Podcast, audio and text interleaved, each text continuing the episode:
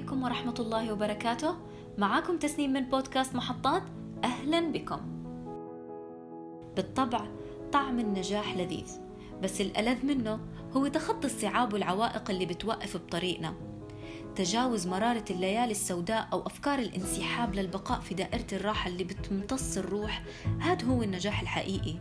أسلوبنا ومحاولاتنا اللانهائية في التعامل مع ذواتنا أمام إعصار النقد الهدام أو الكلمات القاسية المحبطة. من وجهة نظري هذا هو النجاح الحقيقي. ضيف اليوم استثنائي شاب عشريني جمع بين التفوق الأكاديمي والنجاح الرياضي. طالب هندسة ميكانيكية في كلية التقنية العليا ورياضي شغوف في الجري وسباقات الحواجز. اتأهل لبطولة سبارتان الشرق الأوسط وشمال أفريقيا واللي إن شاء الله راح تقام على أرض دولة الإمارات العربية المتحدة. ضيفي لليوم هو البطل محمد جمعة الكندي.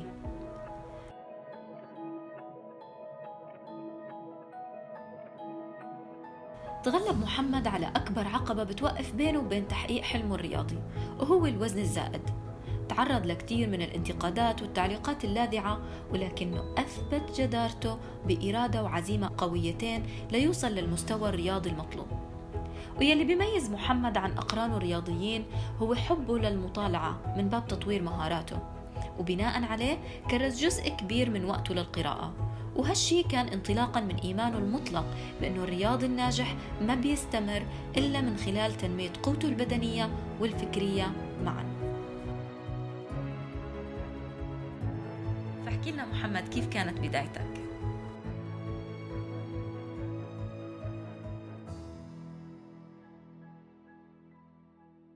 أنا كنت شخص أعاني من السمنة المفرطة. كان عندي في نفس الوقت حب لرياضة كرة القدم فقررت إنه بعد ما أخلص الثانوية العامة بدخل أي نادي كرة قدم فبالفعل حصلت نادي قبلني لكنه مش من الإمارة اللي أنا ساكن فيها إمارة الجيرة في إمارة الشارقة. كان يعني تقريبا يبعد عن البيت ساعة أو شوي. دخلت النادي كنت أواجه صعوبات لياقتي البدنية مش اللياقة البدنية المطلوبة. كل ما نسوي اختبار للياقة ويشوفوا مثلا الوزن والطول وزني كان زايد أكثر عن الوزن المطلوب. أيوة. فهذا سبب لي مشاكل سبب لي بعد مشاكل مع المدرب. مم. ففي يوم من الأيام المدرب قال لي محمد انتظرني عند موقف سيارات مم. خبر كذا. فقلت له ما مشكلة. بنتظر فكنا ننتظر وكان معي يعني زملائي لاعبين ثانيين. فقال لي محمد أنت ما تنفع تكون حارس مرمى في النادي. آه. مال انت تنفع تكون حارس همبرجر قال. هاي الكلمة. آه. فصعب تكمل وياي. فشوف لك شيء ثاني أو ركز بدراستك. فأنا رحت البيت كنت متضايق شوية. ما متضايق فيه متضايق متضايق. فاهمك يعني هدف يعني كان عندي هدف والهدف راح. اللي هو هدف آه، رياض كرة. فأنا وأنا جالس في البيت بعد تقريبا أسبوع أو أسبوعين كنت ببحث في الانستغرام. فكتبت هاشتاج fitness فجيرة فشفت صورة أحد صالات الرياضية دي. وبيكون فيها رياضتين الرياضة الأولى رياضة ال CrossFit. والرياضة الثانية رياضة ال boxing. فلأني تخرجت من المدرسة بنسبة 94 مم. فكان عندي خيار إني أكمل دراستي الجامعية وألتحق بالخدمة الوطنية. فأنا فضلت إني أدخل بكالوريوس الهندسة الميكانيكية. ما شاء الله. وأما زملائي فاللي جاب أقل من 90 آه، التحق بالخدمة الوطنية. ففي يوم من الأيام حد من واحد من زملائي كان نازل من المعسكر. فقلت له في صالة جديدة مفتوحة في الديارة بتروح تجرب؟ قال لي ما مشكلة بنروح نجرب فرحنا دخلنا الصالة فشفنا مدربين. فقلنا لهم إحنا داخلين نجرب كيف التسجيل. مرة CrossFit ومرة boxing حق ال boxing. تمام. قال فقال لنا بنعطيكم حصص يعني مجانية لأنكم أول مرة بتجرب مم. فجربنا أول مرة CrossFit. كيف كانت التجربة؟ وناس معيون انقتلنا انقتلنا آه. كنا على بالنا إن نخلص ال CrossFit بنروح على ال boxing. نفس اليوم. آه. فقلنا ما نقدر. خلاص نرجع اليوم الثاني. تمام. رجعنا اليوم الثاني وبعد نفس الشيء نفس الحال. فظل يمكن جسمنا يعورنا أسبوع كامل. فربي قال لي أنت وين بتدخلنا؟ فمرت الأيام وأنا بادي يعني متضايق من آه إن جسمي عائق. آه. ما بيخليني أروح نحو هدفي يعني أمم. فقلت لازم أنحف علشان أكون لاعب كرة قدم. فقلت يعني هذا هاي الصالة يمكن تكون ناحية جديدة. فبرجع لها. فرجعت تقريبا شهر من بعد الحادثة بي وبديت أول يوم في الصالة 3 واحد 2017 ف... فدخلت الصالة في نفس الوقت فتح مطعم للحمية الغذائية أمم. فقلت "إيه خلاص يعني الأمور ترتبت بالنسبة لي. بتمرن القدر ينادي. باكل من هنا وبالفعل شهر بعد شهر أشوف عمري أنقص خمسة كيلو. حلو. خمسة بعد خمسة بعد خمسة بعد خمسة. لين ما وصلنا شهر ثلاثة. شهر ثلاثة أنا كنت تقريبا ناقص 15 كيلو. ما شاء الله. فدخلت الصالة. شفت شفت سبورة التدريب أو المكان اللي كنت فيه. فأشوف السبورة فاضية بس فيها خمس تدريبات.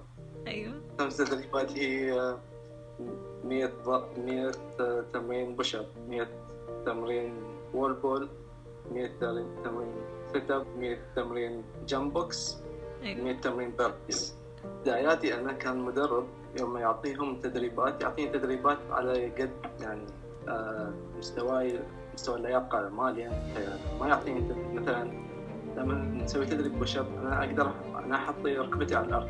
آه. يعني ما ما كانت عندي مستوى لياقة بدنيه إني إني أسوي full push up تمام. فقلت للمدرب أنا بسوي هذا التمرين كامل؟ قال لي هي أنت تقدر تسوي هذا التمرين كامل. قال لي اي بليف يعني أنا أؤمن بقدراتك. طبعا هاي الكلمة كان لها يعني تأثير قوي علي. فبدينا خلصت أول 100 بعد 20 دقيقة من التمرين كانوا أغلب الناس يعني خلاص واصلين على النهاية. طبعا يعني أنا أشوف غيري يخلص قبلي وأنا متأخر.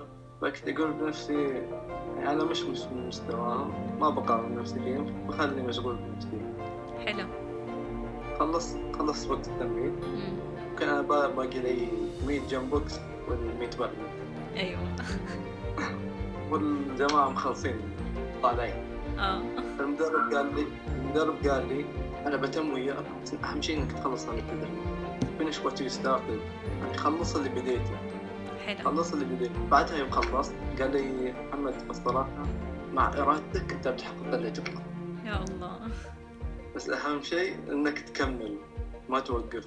فقال لي أبغيك الحين توقف عند السبورة وأنا بصورك وحط لي post في الإنستغرام الخاص فيه. فالمدرب صور حط ال post وجاتني تعليقات إيجابية وايد على ال post. كان الناس يسوي لي mention يقول لي proud of you ما شاء في ناس الله. ما كنت أعرفها في هالشيء حببني أكثر برياضة الكروسفيت كان دافع.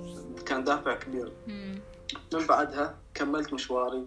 فتقريبا كملنا سنة وأنا ترى وكان باقي لي خلاص يعني وصلت لجسم يعني نقدر نقول قريب من المثال. أمم. بس أنا بتذكر إن كل هذا اللي سويناه حسب نرجع للنادي أيوه فقلت خلاص الحين بدأت بدأ الموسم مرة ثانية موسم كرة القدم فأنا برجع للنادي. حلو. رجعت للنادي فانصدم المدرب. قال لي أنت محمد؟ قلت لي أنا محمد. قال- لي قلت لي أنا محمد حارس الهمبرجر شو كان ردة فعله؟ فلما سمع الكلمة قال لي بعدين قال لي أنا آسف صراحة يعني يعني للحين تذكر هذه الكلمة يعني هذه الكلمة جرحتك أو شيء قلت لا بس من باب المزاح فخلصنا حصة تدريبية في النادي. فالمدرب جلس وياي قال لي محمد دامك تضعت كل هذا الوزن يعني أنت عندك إرادة قوية. تعال في التاريخ ال- تعال بعد يومين بنوقع وياك.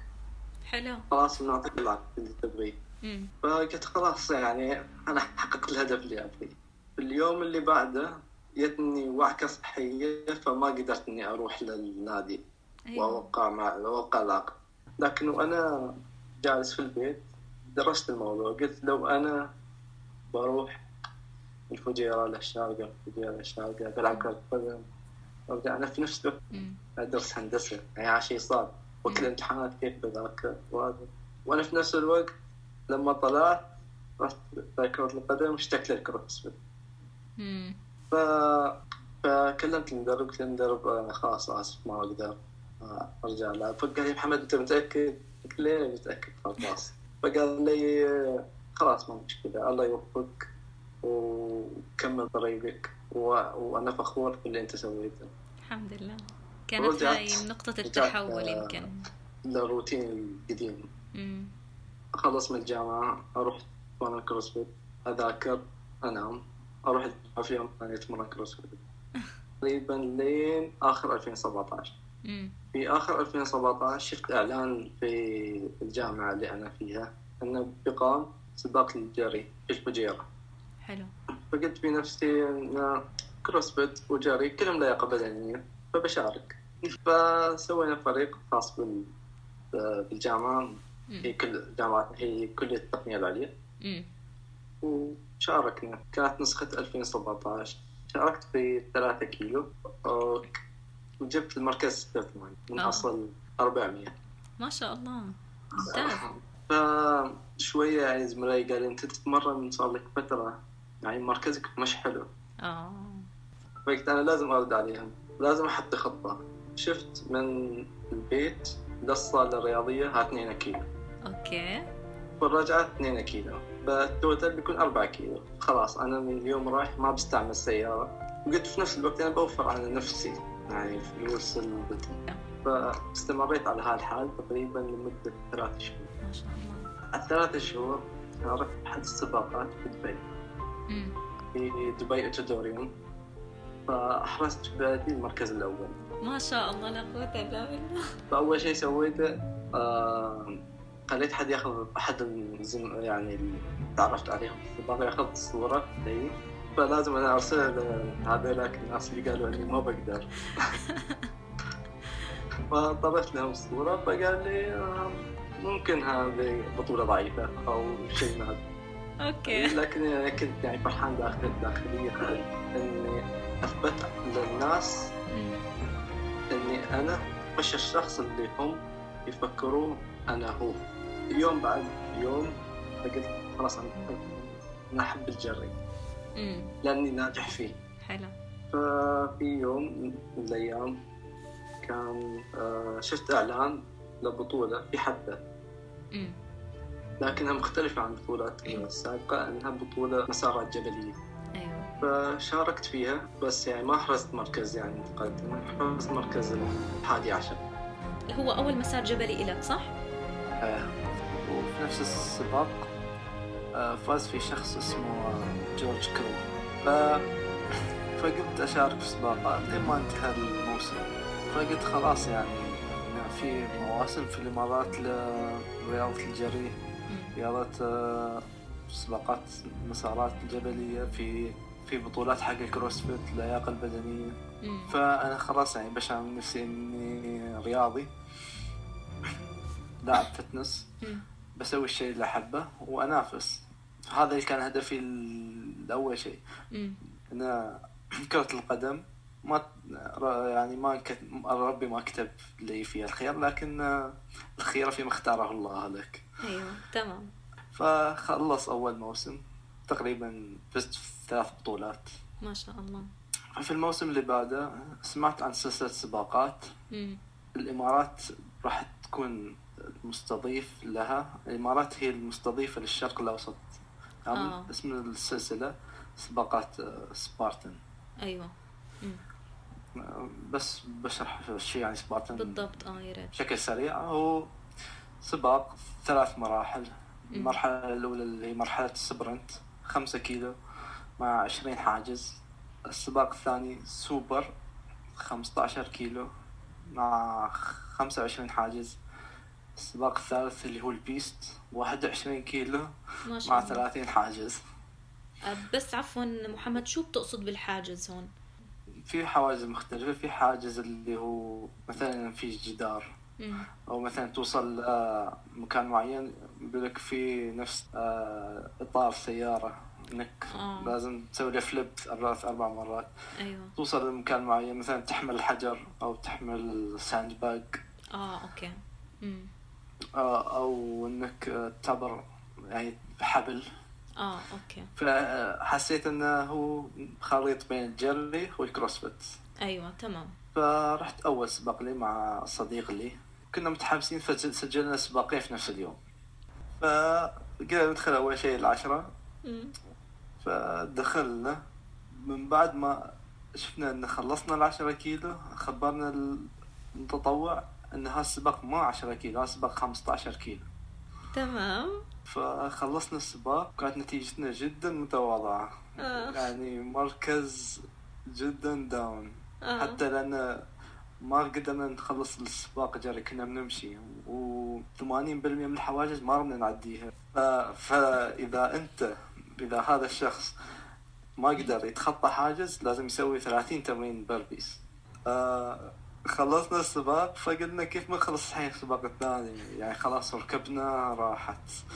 ايدنا راحت احكي لي إنه السباق الثاني هو خلاص 5 مدى- كيلو مش ال 21 آه، خمسة كيلو فقلنا الحمد لله بن- بنكمل مشي تمام. فمشينا. وتقريبا السباق الخمسة كيلو خلص أخذناه في نفس الوقت اللي أخذنا فيه ال 15 يعني من كثر ما كنا بطيئين. آه وتعبانين كمان. تعبانين يعني كنا داخلين السباق الساعة 8 الصبح خلصنا السباقين الساعة 4 العصر آه okay. آه، فلما رجعت آه، للجيم فنتكلم عن البطولة شو صار. فسمعت إن آه، خبر إن المدرب اللي كان بيدربني CrossFit بيطلع من الجيم. آه okay. فهذا أعطاني خيبة أمل لأن هذا المدرب كان بالنسبة لي هو الشخص اللي حببني في الرياضة. آه okay. فطلع المدرب فلما رجعت أتمرن ما حسيت بنفس الحماس اللي كان فيني. امم يعني قبل يعني هو المدرب كان محمسني فقلت خلاص يعني بركز على السباقات وبطلع من رياضة ال CrossFit أيوه. وكنت واصل خلاص يعني للوزن المثالي. طلعت فيوم طلعت من ال CrossFit كنت يوم بتمرن يومين لا. آه. يوم بتمرن. أمم. ثلاثة أيام لا. أيوه. لين ما زاد وزني؟ تقريبا فوق العشرة كيلو. آه okay. حتى لما بركض بروح سباق احس بثقل ما قمت أجيب نفس النتائج اللي كنت بجيبها قبل. أيوه okay. فهذا الشيء أعطاني إحباط إحباط يعني حتى ال... لما بشوف زملائي في الدراسة أقول ها الحين بترجع نفس ما كنت قبل. فقلت خلاص يعني لازم لازم أرجع نفس ما أنا لازم أرجع للصالة. فقلت أنا لازم أبدأ من أول من جديد لازم أبدأ في جيم fresh. وما أخبرهم أنا أنا شو كنت وشو سويت شو انجزت عشان ما أضغط نفسي. أيوه حلو. واعيد اكتشاف نفسي. فدخلت الجيم بس لما دخلت دخلت مش لما نفس ما دخلت الكيج لا دخلت وأنا عقليتي فاهم أكثر. آه حلو. عندي خبرة. فما قلت لهم يعني أنا كان عندي روح نزول وزن أو هذا لأن ما بحب ما ما بحط عمري تحت الضغط أو إنه أكون. يعني أخلي الانتباه علي. حلو. فبالفعل خمس شهور ونقصت كل الوزن اللي زاد. حلو. ممتاز. بعد ما نقصت الوزن فالحين الناس في الجيم يعني عرفت و... يعني نفس اللي صار في الكيج قاعد يصير وياي مع الناس الثانيين. حلو. تمام. أثبتت جدارتك يعني إيه.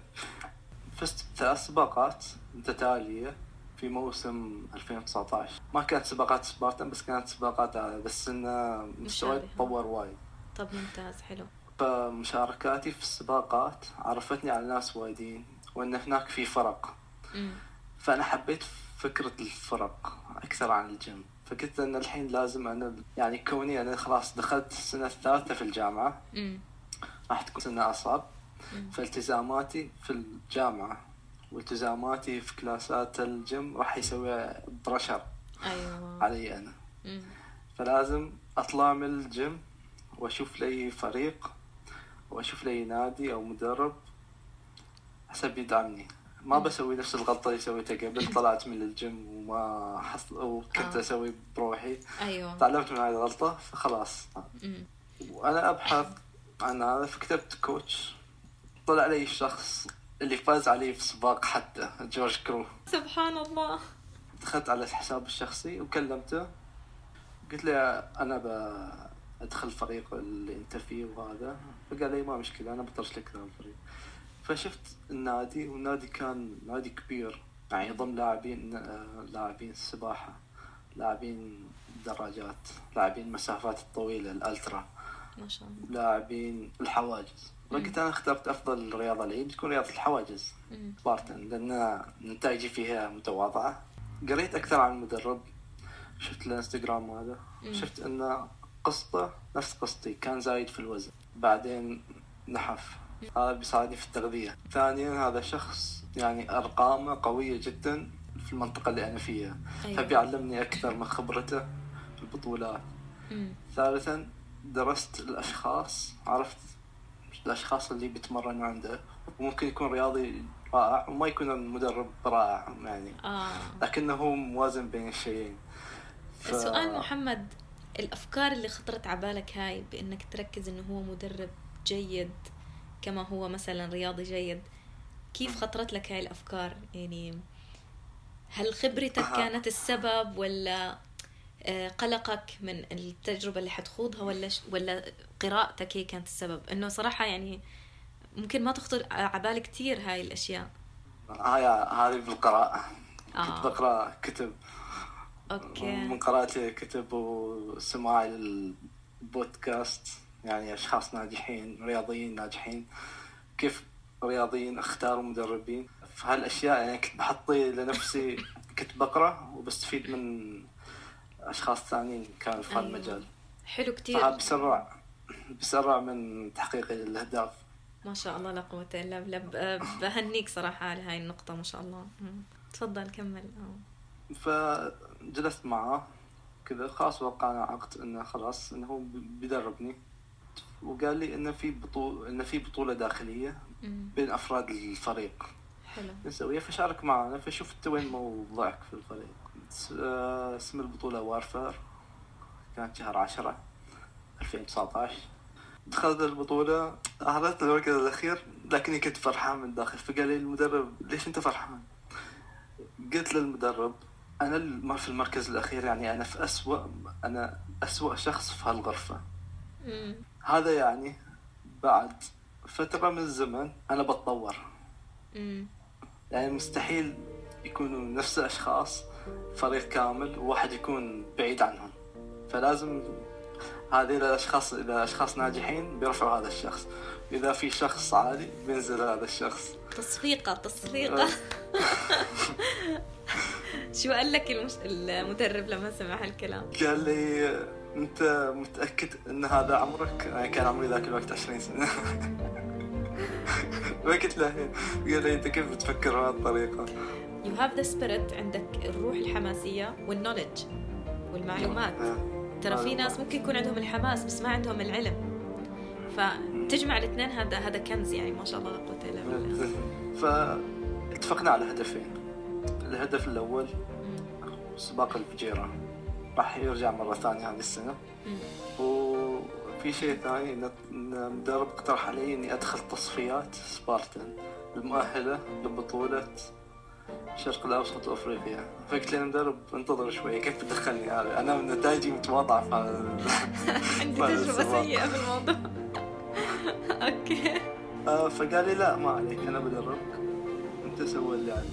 ففي نفس البطولة فأنا أقول في- نفسي أنا كيف بتفوق على كل هالأشخاص؟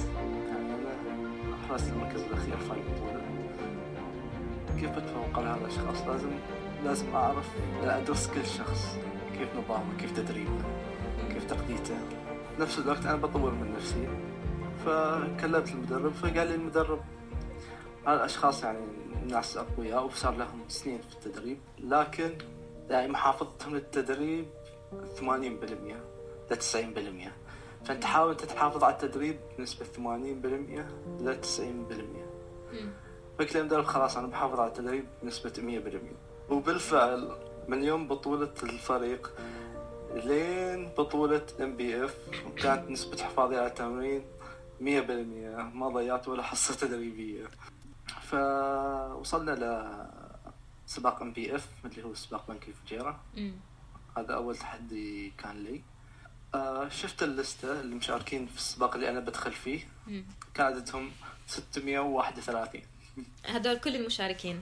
ها مشاركين في السباق اللي أنا مشارك فيه هم أر... هم كانوا أربع سباقات السباق ال 11 كيلو مسارات جبلية مم. السباق ال 10 كيلو وال 5 كيلو وال 3 كيلو مم. أنا كنت مشارك في 3 كيلو مم. بس مجموع المشاركين في الأربع سباقات كان 5000 ما شاء الله أوكي مم. بس المشاركين في الفئة اللي أنا مشارك فيها 631 مم. دخلنا سباق حرزت أنا المركز من بين 631 أنا حرزت المركز ال 14 فعلى طول اتصلت في المدرب قلت له أنا خسرت. قال لي كم كم جبت؟ له 14 قال لي يعني يبرون تعب 14 من بين 631 عن ليش جد؟ زعلان. آه بالضبط. يعني الرقم كتير يعني ممتاز أنا شايفه. بس يعني المدرب مدرب توقع مني كان متوقع مني المركز ال 25 أنا كنت أمو. متوقع من نفسي المركز ثلاثة الأوائل.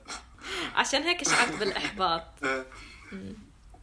فالمدرب خبرني قال لي صح إنه يعني أشوف حماسك زايد لكن كون واقعي لأنك إذا أنت تتوقع من نفسك أكثر مما راح تجيبه راح يجيك إحباط مع إحباط مع إحباط راح ينزل هم- همتك. فقلت له ما مش قلت له خلاص يعني خلاص يعني خلصنا من السباق هذا بنشوف السباق الثاني. اللي هو سباق آه، سبارتن. أيوه. اللي هو تصفيات. فقلت للمدرب بعدك مصر إنك تدخلني تصفيات؟ قال لي هي فالسباق كان تاريخ 31 واحد 2020 أيوه. كان مفترض إنه يكون في جبل جيس لكن بسبب الأمطار. مم. غيروا مكانه لجزيرة المرجان. آه. فراس الخيمة مم. اجى شهر 12 المدرب خذ إجازة. فقال إنه بيسافر لجبل إيفرست. فرحت اتدرب مع لاعبين الألت- الألترا. لاعبين الألترا هم لاعبين يعني بيركضوا مسافات كبيرة. يعني أقل مسافة بيركضوها 30 كيلو طالع. فقال أنت رحت مرن معاهم يوم الجمعة في وادي شوكة. فرحنا التدريب في شوكة. مم. فلما نزلنا رحت سلمت على المدرب مدرب الألترا اسمه روب جونز. آه قلت له شو تدريب اليوم؟ كان يقول ناخذ لفة على شوكة مسافة قصيرة 21 كيلو. قلت له نعم. قلت له نعم مسافة قصيرة. فقلت له أنا الوحيد يعني من فريق الحواجز كيف كان موقفك أثناء الرحلة؟ أو التجربة؟ أنا انصدمت من نفسي إني كملت معاهم أول 15 كيلو. ما شاء الله. يعني تمام. آه. من بع- من بعد ال 15 كيلو أنا كنت وراهم بس مش كثير تقريبا مسافة نص كيلو. مم. يعني قدرت أجاريهم. لأن المدرب قال لي أنا دربتك بطريقة انك ما تكون بعيد عنهم فلا تخاف إذا رحت. أوكي. في نفس اليوم أنا كنت شايل معي GPS لأني ما كنت أعرف هذا المكان. فقلت أنا يوم بخلص برجع البيت بشوف خريطة المكان كامل وبحفظها لأني بحب أتمرن فيه. حلو. فبالفعل خلصنا آه، التدريب وحفظت المكان اخترت هالمكان يكون مكان مقر دائم يعني للتدريب. الحمد لله. فقال المدرب خلاص أنا الحين راجع من إيفرست راح اشوفك في التصفيات. فقلت خلاص ما مشكلة. نظام التصفيات إن العشر الأوائل من التصفيات يتأهلوا ل Spartan Middle East and Africa Championship في كل فئة. ف دخلت سبارتن بالعكس شفت إني تطورت كثير دخلت التصفيات كان مدرب موجود. خلصت التم... خلصت السباق. يعني كان قدامي قدامي تسعة تسعة أشخاص. فقلت يعني الحمد لله خلاص وصلت الم- المركز العاشر. يعني أنا متأهل. فاجوا لنا ال volunteers أو اللي هم المتطوعين والحكام فقالوا لا في مشكلة في هذا في ناس يعني غشوا أو في ناس آه، يعني ما ما سووا البلنتي اللي عليهم ما عدوا الحواجز. آه. فراح يكون في تعديل في النتائج. فأنا خفت شوية مع إني عارف يعني ما. أذكر إني آه. بس في حاجز أنا ما عديته. فقلت أنا يمكن كنت شوية متدوخ. آه. فقلت يمكن أنا ما سويت 30 بربس يمكن سويت 29 أو هذا يمكن يزيدوني في الوقت آه. لكن الحمد لله كنت حاسب صح. في شخصين كانوا قدامي فنزلون تحت وأنا اصبحت في المركز الثامن ما شاء الله لا قوة إلا بالله كيف كان شعورك آه. بهاللحظة؟ يعني يعني في هذاك اليوم يمكن تقريبا ما نمت من الفرحة يعني كان عن جد إنجاز آه. انجاز حلو إني وصلت لمرحلة إني بمثل الإمارات في بطولة ضخمة تعتبر يعني على الشرق الأوسط وأفريقيا يعني شاء الله المفترض تكون بطولة Spartan. Middle East في شهر ثلاثة. إجت الكورونا. عطلت كل إشي والله كورونا. عطلت كل شيء. آه. ففي الفترة تقريبا لغت كل شيء الدراسة صارت عن بعد قررت إني أستعمل التريدميل اللي هو جهاز المشي. كنت خ- لأني ما احب ما حبيت إني أقطع التمرين إني في. اشخاص أنا عرفت إن في أشخاص راح يقطعوا التمرين في. أشخاص لما ترجع البطولات. راح يكونوا مختلفين في ناس راح يروحوا فوق في ناس راح يبقوا تحت أنا صح. ببقى على الهدف اللي أنا رايح فيه حلو مم. أنا كان عندي يعني خ... إن فترة راح تعدي وبالفعل آه، بديت أقرأ أكثر بديت أطور نفسي أكثر بديت أحافظ على التمرين. آه، بالدراسة. أحط أهداف يعني وأبحث عن ناس آه، ناجحين أتعلم منهم. فما ضيعت يعني هاي الفترة. وتعلمت منها كثير. وحسنت فيها عقليتي خاصة يعني إن الفريق كانوا يفتحوا اجتماع زوم كل يوم الصبح الساعة الساعة ستة فكنت مع يعني على طول معاهم بتعلم منهم بتعلم من هالشخص بتعلم من هالشخص ف الفريق قالوا إنه بيسووا اختبار رياضة شهر ثمانية. من العام 2020 مم. هو اختبار رياضة بيئة تدريب مالي مم. 12 أسبوع أيوه أول أسبوع بيكون سهل لحد الأسبوع رقم 12 مم. الأسبوع رقم 12 يكون أصعب أسبوع ويكون في اختبار. ففي شهر ثمانية كان عندنا هذا ال- الاختبار. فأغلب اللي سووا هالاختبار جابوه في وقت أعلى لأنهم في وقت ال- الحجر أو في وقت الكورونا زادت كسل. أوزانهم. آه. أو ما ما حافظوا على التدريب ما. قدروا يتمرنوا.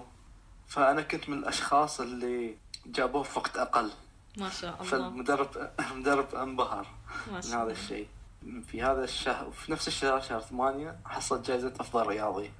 فقلت أنا قبل 11 شهر شهر ثمانية من قبل عام طلعت الأخير. بعد 11 شهر أو 12 شهر أنا الحين أفضل ما شاء أفضل الله رياضي. لا قوة إلا بالله. فرحت المدرب وقلت له آه الحين أنا راح أنا أثبت إنك على غلط. قلت أنا مش أنا مش واقعي ابدا. أنا أنا كل أهدافي بتخوفني بس في نفس الوقت أنا متحمس إني يعني يعني راح راح أسويها. ما شاء الله لا قوة إلا بالله. يعني أنا شايفة إنه أنت عم تحكي هيك حدا يعني full time مشغول. كيف قدرت توفق ما بين دراستك وما بين ال- أهدافك الجانبية الأخرى؟ كل حد فينا عنده 24 ساعة. أمم بننام من 6 ل 8 ساعات فبيبقى عندنا 16 ساعة. أمم هذه 16 ساعة لازم ما نضيع فيها أي دقيقة. خلاص أنا وقت تمريني من بعد الفجر خلاص أنا ما راح أأجل ما راح أقول لا كسلان لا ما بقدر خلاص. أنا ما من الأشخاص اللي أكون عندي تحفيز يعني ما ما ما بتكون متحفز دائما لكني مم. إنسان ملتزم. راح أذاكر خلاص تلفوني بعيد راح أذاكر. عذر انه ما في وقت ها عذر غير مقبول. أمم كلنا عندنا 24 ساعة. أمم كلنا لازم نستغل الوقت اللي نحن فيه. في وفي نفس الوقت كان في يعني قريت عن لاعب اسمه سقراط. هذا لاعب برازيلي. أمم لعب مع منتخب البرازيل في كأس العالم. مم. وفي نفس الوقت كان يدرس طب. ما شاء الله. لاعب كرة أطفال. قدم ولا؟ لاعب كرة قدم. آه. ف... في منتصف التسعينات. لعب كأس الع... لعب كأس العالم. وفي نفس الوقت تخرج ب... بشهادة طب طب أطفال. ما شاء الله. فتعلمت منه وايد. قريت عنه. إنه كيف كان ملتزم بالوقت؟ قمت أسوي نفسه يعني إذا هذا الشخص قدر يسوي هالشيء أنا ليش ما أقدر؟ سبحان الله حلو كثير ما شاء الله. وشفت انه عند... كان عنده أخطاء شو اخطائه ما. ما حبيت يعني أسوي نفس الأخطاء اللي يسويها. مثلا اسمع للطلاب. خ... انه أك... أكثر شيء ركزت فيه إنك لما تروح عند الطلاب راح يقول لك هذا رياضي ما مهتم بدراسته. بتروح عند زملائك الرياضيين بيقولوا هذا بيدرس وما بيهتم في الرياض لكن توازن بين شيئين راح تكون شخص استثنائي. آه طيب آه محمد هيك القصة حلوة كتير. كيف كنت تتعامل مع التعليقات السلبية وتحولها لشيء إيجابي دافع دافع لك يعني شو الميكانيزم اللي أنت بتتبعها؟ طورت في نفسي فلسفة. كيف تخلي كل الكلمات اللي توصل لك طاقة توصلك لهدفك تمام خلينا نتخيل أنا أنا شخص رايح بمشي لمدينة هدفي إني أوصل للمدينة الثانية مم. وبوقف في محطتين مم. محطتين. المحطة الأولى فيها شخص إيجابي. المحطة الثانية فيها شخص سلبي. خلاص بمشي لحد ما أوصل للشخص الإيجابي هاي المحطة الأولى بوقف فيها مم. هذا الشخص بيعطيني دافع مم. بيعطيني كلمات مم. أول شيء خلينا نتفق على شيء الكلام بشكل عام هو طاقة مم. مثال الحين إذا في شخص حزين أو شخص بيفضفض بيرتاح نفسيا لأنه أخرج الطاقة اللي فيه الطاقة السلبية على أيوة. طريقة كلام فالكلام طاقة تمام فأنا بمشي وصلت للمحطة فيها شخص إيجابي. مم. هذا الشخص بيعطيني كلام إيجابي. هذا الكلام بيوصل بيكون في نفس الطريق اللي أنا رايح فيه. صحيح. بوزيتيف. فأنا بستمد من الكلام. بحوله طاقة هالطاقة توصلني للهدف. مم. كيف أسوي هذا الشيء؟ بسمع هو شو بيقوله؟ وبقول له أنا ما بخ... بقول بقول له من داخلي أنا ما بخذلك. فلما بنتقل من هالمحطة للمحطة الثانية بنتقل بسرعة أكبر. ليش؟ لأن كل ما بمشي بتذكر هو شو قال. أيوة. وأنا أقول من الداخل أنا ما بخذلك أنا ما بخذلك أنا ما بخذلك فبمشي بسرعة أكبر. أوكي. بوصل للمحطة الثانية. المحطة الثانية هاي شوية محطة صعبة لأن فيها شخص سلبي هي فعلا آه. هذا الشخص راح يعطيني كلام سلبي ما بنقول كلام سلبي نقول طاقة سلبية. هذا الطاقة السلبية ما نفس يعني عكس طريق الهدف اللي أنا بسير فيه أيوة معاكسة مم. طاقة معاكسة مم. الحين أنا لو أنا سحبت هذه الطاقة أنا برجع على ورا مم. صحيح كيف بسحب هذه الطاقة بسمع اللي هو شو شو بيقوله وبد... لو دخلته في عقلي هذا يعني أنا دخلت فيني الطاقة مم. إذا أنا رديت عليه أنا برجع لطاقته. okay. وبتم. وبتم ساكن في مكاني ما بتحرك. okay.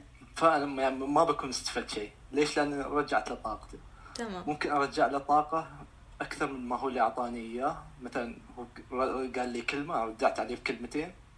أوكي. هذا معناه شو؟ أن بذلت طاقة أكثر من ال أنا بعد أعطيته من الطاقة اللي أنا فيني. صحيح هذا خ... هذا خطأ أو أن أعطيه طاقة أقل من هو اللي أعطاني إياها فهذا يعني أن في شوية من طاقته دخل فيني أنا فأنا شو أسوي؟ أخذ الطاقة اللي هو أعطاني إياها أحولها لطاقة إيجابية أقول أنا بثبت على غلط وبكمل في طريقي فأنا الحين وأنا طالع من المحطة الثانية مم. بسمع بسمع الكلام الشخص الأول وهو يقول لي كلام إيجابي وأنا أقول له ما بخذلك. فجأة بيطلع لي كلام الشخص الثاني. كلام سلبي وأنا بق- بقول في داخلي. راح اخذ أنا بثبت إنك على غلط. أنا بثبت إنك على غلط. فراح تكون سرعتي من المحطة الثانية للمدينة أسرع. أيوه. هاي من قراءاتك وهيك ولا هاي بس مجرد طريقة تفكيرك في الموضوع؟ هاي يعني أخذتها من القراءات وأنا كنت يعني شخص يعني بتأثر كثير بالكلام. لكن مع التجارب مع ال... مع الأيام صرت؟ يعني صار صار شيء يعني خلاص يعني الحين ما في أي يعني أي شخص بيقول لي كله يعني يأثر فيني في شيء ثاني بعد مم. يعني بشوف حالي الحين بشوف حالي قبل لما بديت أشوف إن دا- دائرة الأص- الأصدقاء أو الناس المحاطين حولي تغيرت بنسبة 85% أيوه. هاي تغيير كبير.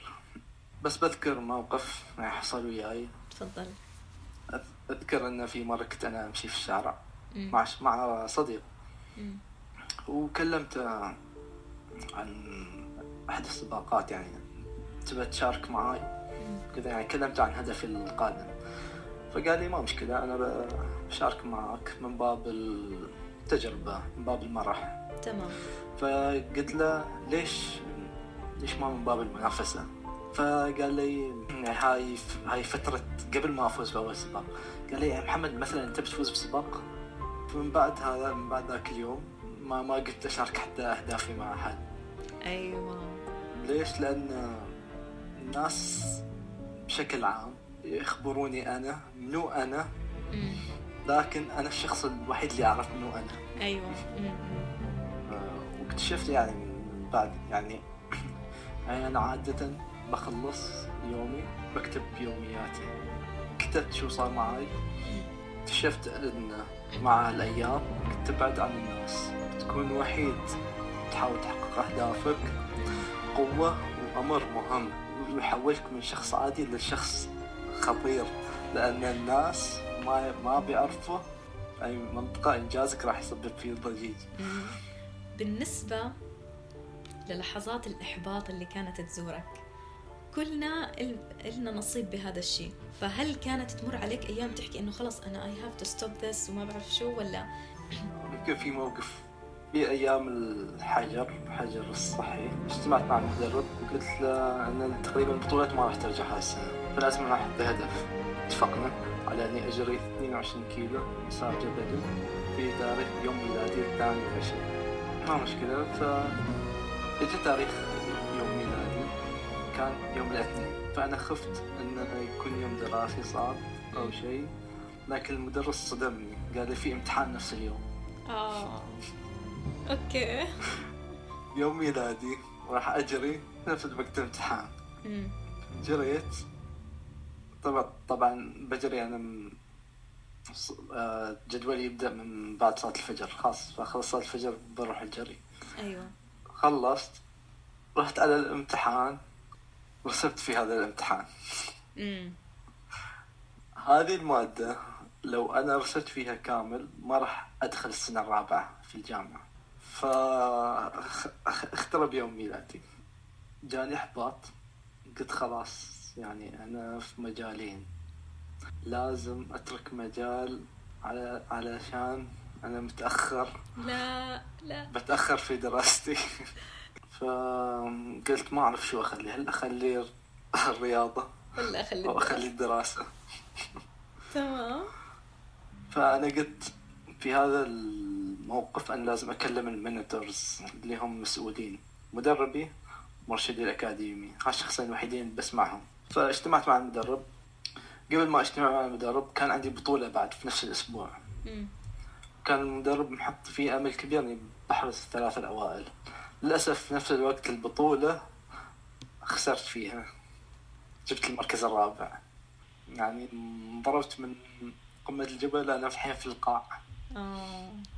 قال لي كيف الحين بتخلى ال- الرياضة؟ من بعد كل اللي سويته. قال لي الحين أنت بتخلى الرياضة من بعد ما جبت المركز الرابع. فقلت خلاص أنا بتم في الرياضة وبطلع من الدراسة وبدور لي وظيفة. رجعت رجعت اليوم الثاني اجتمعت مع المرشد الأكاديمي. مم. مرشد أكاديمي قال لي الامتحان اللي أنت سويته عليه عشرين بالمية من المجموع من التوتال. هذا يعني ستة وثلاثين يعني ستة وثلاثين تقسمها على خمسة راح تجيب سبعة. يعني أنت ضاع منك 13 درجة. مم. وأنت في سبعة وثمانين درجة.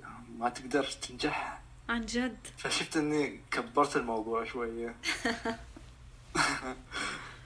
فقلت نفسي خلاص أنا بكمل دراسة بوقف رياضة. كل مخي في تفكير كيف خلاص إني بخلي يمكن الرياضة يمكن أخلي الدراسة يمكن أخلي الرياضة يمكن أخلي الدراسة.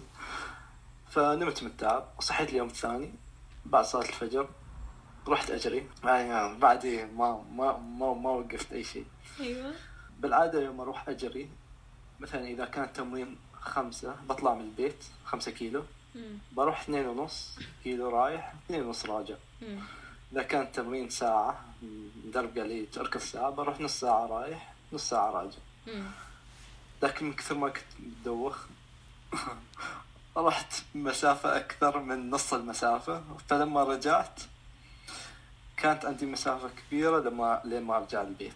فلازم أنا فوقفت الساعة وقلت خلاص بقضيها مشي. قضيتها مشي ودائما أنا لما بخلص بيكون مشهد شروق الشمس قدامي.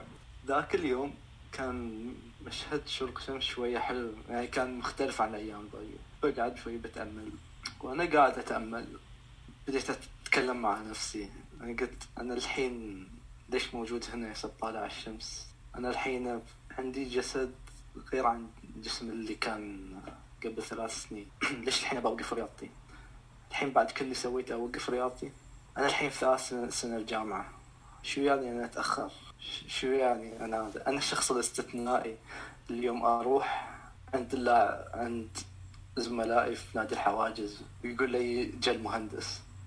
أنا الشخص الاستثنائي لما أروح عند الطلاب أو أروح الجامعة بيقولوا هذا هو رياضي جا. أنا مش شخص طالب عادي نفس الطلاب العاديين وأنا مش لاعب حواجز مثل مثل لاعبي الحواجز العاديين. أنا شخص قاعد أشتغل في مجالي ليش أضيع على هالشيء تذكرت أن أنا لو يوم زاد وزني قبل من بعد ما وقفت لو وقفت ذاك اليوم عن الرياضة أنا اليوم ما أجري وأشوف مشهد الشمس قدامي. التوقف شيء ما كان موجود في الدي إن اي مالي. شو بيكون موقف؟ أهلي لما بيسمعوا ان طال إن ولدهم ما قدر يكمل في الجامعة. شو بيكون شو بيكون مشهد كل الناس اللي آمنوا فيه.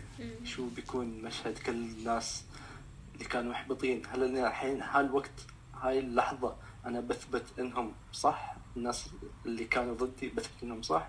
هل الناس اللي كانوا وياي بثبت إنهم غلط؟ أنا في القاع لكن أنا بطل. الأبطال مش اللي دائما يفوزوا الأبطال اللي هم يفوزوا. لما يخسروا يرجعوا يفوزوا. فرجعت البيت وضعت خطة. خلاص الخطة الجاية ما راح أضيع ولا دقيقة في يومي. مذاكرة نوم تدريب مذاكرة نوم تدريب مذاكرة نوم. حلو. يوم الجمعة راح يكون يوم الفراغ. okay. وبالفعل حافظت على كل التدريبات حافظ كنت بذاكر كل الوقت ضحيت بوقت فراغي. آه. اجتمعت مع المدرب مالي قبل قبل أسبوع من آه، امتحاناتي. قلت له اعطني الاختبار اللي أنا أنت تسويه دوم أنا بثبت الحين لك أنا أنا رياضي أفضل نسخة من نفسي. اعطني اختبار قبل اختبارات الجامعة. قال لي أنت متأكد؟ فهذا الاختبار أنا قفزت قفزة كبيرة في الوقت. هذا أعطاني يعني حافز كبير قبل ما أدخل على الامتحانات. دخلت الامتحانات نجحت فيهم. الحمد لله. والحين خلاص راح أدخل السنة الرابعة. الحمد لله الحمد. لله عدت. أنا فهمت منك إنه أنت بتحاول إنه الدعم أو ال- الحف... الحافز يكون من داخلك، هل ممكن نحكي عن الناس اللي دعموك اللي آمنوا فيك كل هاي كل هاي الفترة؟ كيف كانت طبيعة الدعم اللي بتحصل عليه؟ طبعا في مقولات لما بنشوف فيديوهات تحفيزية الأهل والاصدقاء هم اعداء النجاح الأهل والاصدقاء هم أعداء النجاح تمام أنا بشوفها من نظرة ثانية. الأهل هم مش أعداء النجاح. الأهل بيخافوا على الابن من تبعات النجاح. بيخافوا إن النجاح يؤذي ال- الابن. فلازم الإب- الابن يثبت لهم إنه شخص قوي. فمع الأيام بيشوفوا أن همته في هذا المجال نجاحه. فبيقول له خلاص يعني كمل. انجز. بال- بالفعل يعني الأهل كانوا معي في يعني يدعموني في المجالين. في وقت الرياضة كانوا بيوفر لي الأجهزة الرياضية موجودة في البيت. حلو. آه، مكتب خاص للدراسة. يعني يعني كانوا معي في كل شيء. والأشخاص اللي أنا محاط فيهم عندي يعني مثلا أصدقاء. في عندي يعني صديق كان يدعمني تجارب هو شخص ناجح. فهو يعني شوي شخص يعني شوي عنده حكمة. يعني بحب آه. أخالطه إني أسمع من تجاربه. حلو. بس الحافز الحقيقي بيجي من داخلي أنا إحنا تقريبا هيك وصلنا لآخر جزئية. شو النصيحة اللي بتأكد عليها وبتكررها؟ ولو ممكن تحطها عندك هيك على يافطة إنه كل حدا يشوفها ويسمعها ويحاول يطبقها في حياته. شو حتكون هاي النصيحة؟ أول شيء بعطي نصيحة بشكل عام لكل الأشخاص بعدين مم. بعطي نصيحة للرياضيين. أوكي. بما أن نحن يعني كلنا كلنا مسلمين ونؤمن بأن يعني بيوم الحياة فانية. يعني هذه النصيحة لازم كل مسلم يعمل فيها. أعمل لآخرتك كأنك تموت غدا وأعمل لدنياك كأنك مخلد فيها. مم. آه، الحياة رح رحلة جميلة. يعني كل شخص الله أعطاه الصحة أعطاه الفرق لازم يستغلهم. نعمتان مقبول فيهم كثير من الناس نعمة الصحة ونعمة الفراغ. حاول تستغل هذا الشيء.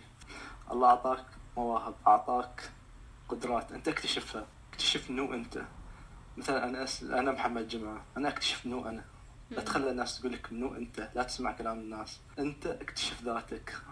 صحيح. إذا أنت حين حياتك سيئة تخيل أنك بطل في فيلم. وحياتك سيئة. وروح وصلح كل شيء. عن جد. تخيل أنك الحياة بتكون حلوة مع تحديات. نصيحتي للرياضيين في شيء مهم. كونك رياضي لازم تنمي عندك قوتين القوة الجسدية اللي هو بالتدريب والقوة الفكرية اللي هو بالقراءة. مم. هذا شيء نحن وايد نهمله القراءة. لازم نقرأ. أيوه. قراءتك كرياضي راح يخليك تتعامل مع ضغوط البطولات راح يخليك تثق بنفسك راح يعلمك كيف تتعامل مع المنافسين. راح يسرع آه، الوقت لتحقيق هدفك. يعني يعني نحن بنشوف نشوف يعني أنفسنا نحن كرياضيين عرب نوصل للنجاح. نوصل للقمة شوية ننزل. ليش؟ ما نقدر نتعامل مع ظروف النجاح. أيوه فهمت قوينا أجسادنا بس ما قوينا عقولنا. مع القراءة يخليك يخليك تنجح لفترة طويلة. راح يصل يسرع حصولك على أهدافك. راح تصعد تصعد مراحل أعلى من منافسيك اللي بس يهتموا بقوتهم الجسدية.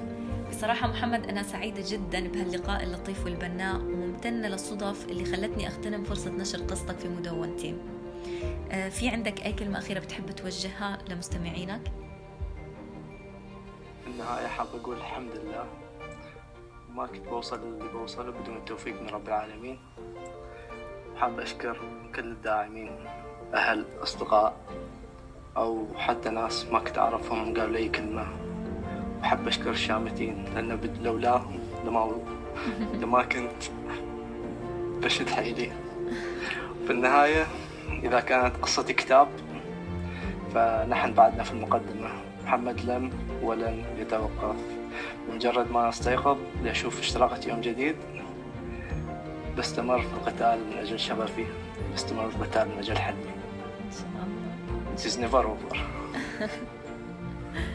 بتمنى لك التوفيق بكل خطوة وبإذن بحب أوجه شكري للمستمعين وأصدقائي الأحباء ولكل من كان له يد في إعداد هذا العمل. هاي كانت بداية محمد جمعة في مسيرته نحو اللياقة البدنية. يا ترى شو هي بدايتكم؟